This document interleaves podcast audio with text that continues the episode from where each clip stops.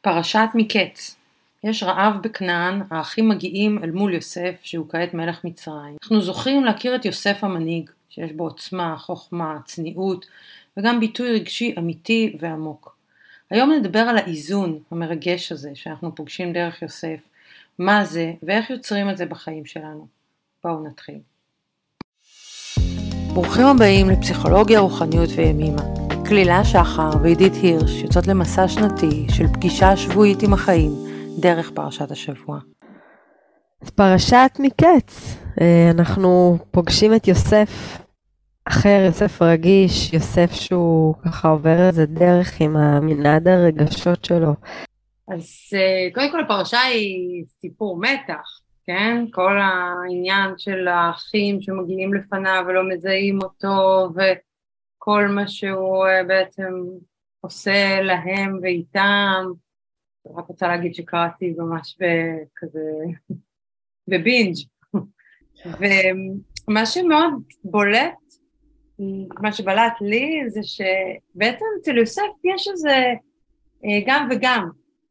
זאת אומרת, הוא גם אה, מושל מצרים, והוא גם כזה רואה את האחים שלו ובודק אותם ושולח אותם ועושה דברים מאוד אה, כאלה מובחנים, מושכלים, וגם יש שם איזו רגישות אה, נורא נורא גדולה. הוא גם בוכה, הוא גם, מתי שהוא מתוודה בפניהם, יש שם איזה פרץ רגשות מאוד מאוד גדול, זאת אומרת, יש לו איזה מנעד כזה רחב וגם איזה איזון. אני חושבת שמה שמרשים ביוסף, אני מתחברת למה שאת אומרת, זה שזה עוד יותר בולט שהוא פגש את האחים אחרי כל כך הרבה שנים, והוא לא דפדף את מה שהוא מרגיש. הוא לא אמר, יאללה, עבר כבר הרבה זמן, אני, אני משחרר את הכעס. לא, הוא נתן לזה מקום, הוא כועס, הוא בוכה, הוא מרגיש אה, תסכול, ו- ויש מקום לרגשות האלה. גם למספר הסיפור היה חשוב שנבין שיוסף מרגיש, ושיש מקום לכל מה שהוא מרגיש. עכשיו, יותר מזה, זה כאילו הוא לא מזמין את מה שקורה לו במציאות, כל הזמן קורים לו הרבה דברים. מה שהוא עושה זה שהוא מסכים למציאות. מה שבא הוא פוגש עד הסוף, הוא נוכח בזה עם כל מה שעולה בזה. כשנולד לו, אה, נולדים לו שני בנים, אחד מהבנים, הוא קורא להם אחד מהבנים הוא קורא מנשה, והוא אומר, כי נשני אלוהים את כל עמלי ואת כל בית אבי, ולשני הוא קרא אפרים, והוא אומר, כי אפרני אלוהים בארץ עוני. הוא מחזיק גם וגם, גם את זה שיש פה אלוהים שנישל אותי וקרה לי משהו דרמטי, וגם את זה שקרה לי משהו טוב בדרך הזאת. אז יש פה, יוסף יודע להחזיק איזו מורכבות שהיא דורשת ממש אינטליגנציה רגשית גבוהה. ומה שעולה לי זה החשיבה הבודהיסטית, שאומרת שבעצם אה, כמו שציפור צריכה שתי כנפיים כדי להתאזן, אז בעצם גם אנחנו כבני אדם ממש קוראים לזה two wings, כאילו שתי כנפיים, והכנפיים הם אה, חוכמה וחמלה, wisdom ו-compassion. ובעצם אה, הטענה הבודהיסטית היא זה שאנחנו ממש צריכים לאזן ביניהם. עכשיו, מה זה לאזן? אה, כשאני עמוק, זה כמו הראש והלב, אוקיי? Okay? כשאני עמוק בלב, אז הרגשות uh, מציפים, ושוב, uh, יוסף יכול להיות פה uh, בכעס ופגיעה וטראומה, נטישה ואובדן, וסרט שלם של רגשות מאוד מאוד מאוד קשים. ואז בעצם כשאני נמצאת בצד הזה, אני לגמרי נכנסת לתוך הסרט הזה, והצד השני זה הצד של החוכמה. זה, וחוכמה בעולם הבודהיסטי זה חוכמה שמבינה את העולם, וזאת חוכמה שגם ליוסף יש אותה, כי הוא אומר להם באיזשהו שלב, כשהם, אחרי שהם בוכים והכל וזה, הוא אומר להם, לא אתם זרקתם אותי לבור, אלא אלוהים עשה את זה, והוא עשה את זה כדי להביא אותי לפה.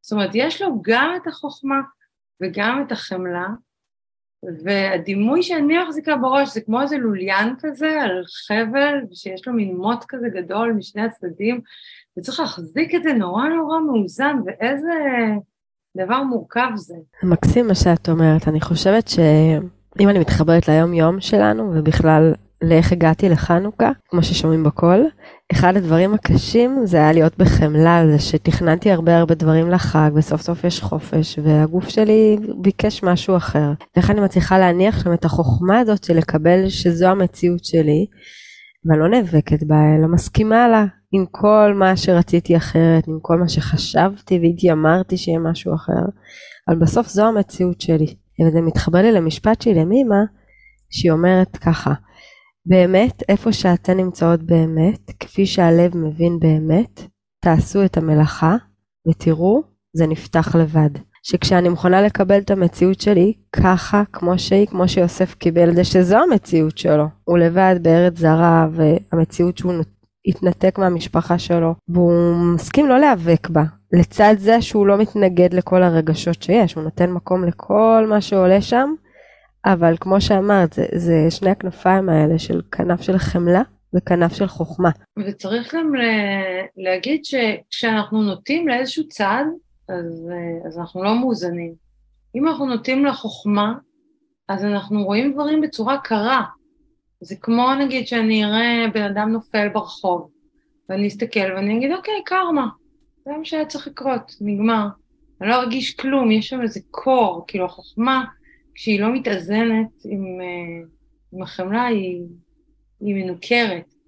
והצד השני זה שאני רואה את הבן אדם הזה נופל ואני כולי אה, מזדהה ושוכחת הכל ובוכה איתו ובעצם לא מצליחה לעזור לו כי אני יותר מדי, אה, הלב שלי יוצא יותר מדי.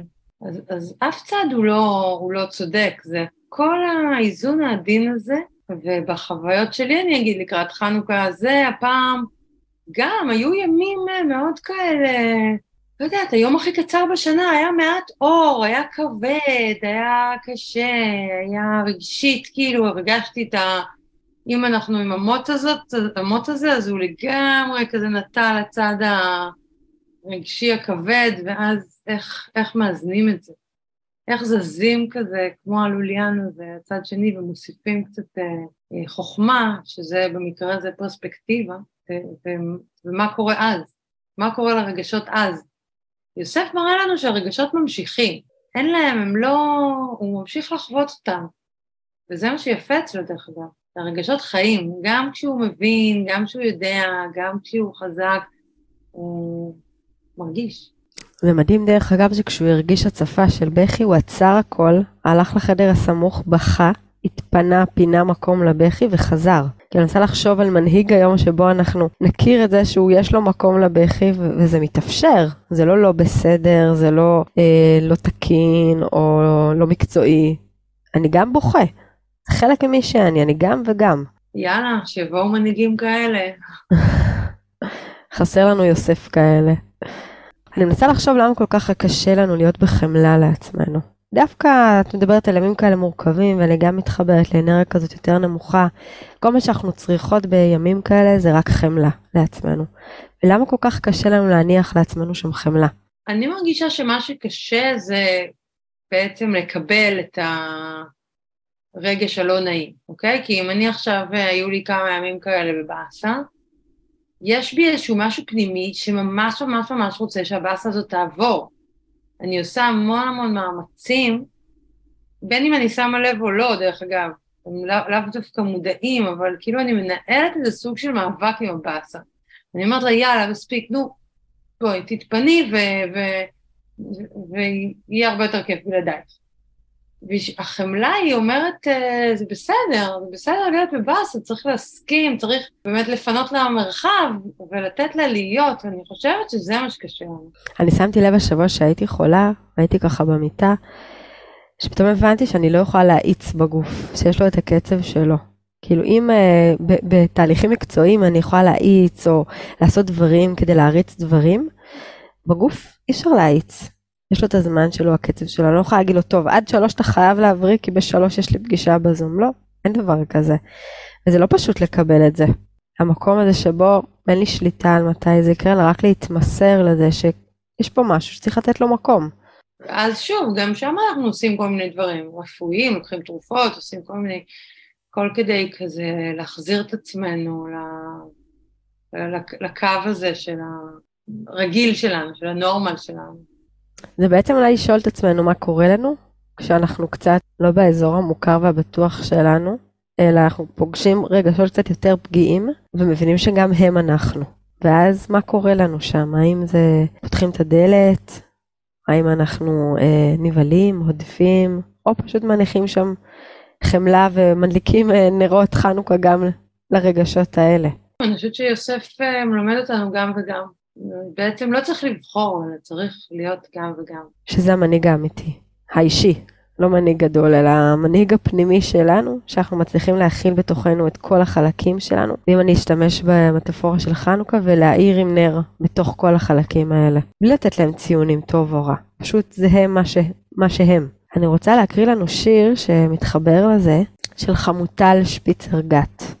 עדיף חלקי צעצועים פזורים, ערימות כביסה וכיור, שעולה על גדותיו, מאשר אותך, פזורה ברחבי הבית עם ערימת רגשות זנוחים, וגוף שעולה על גדותיו.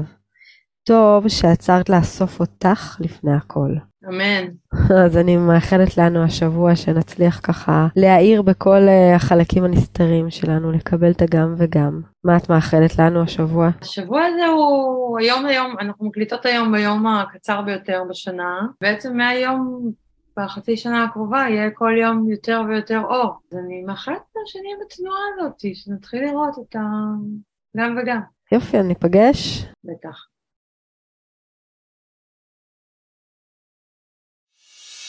תודה שהייתם איתנו. מוזמנים לשתף ולכתוב לנו איך הפרשה פגשה את השבוע שלכם. נתראה שבוע הבא.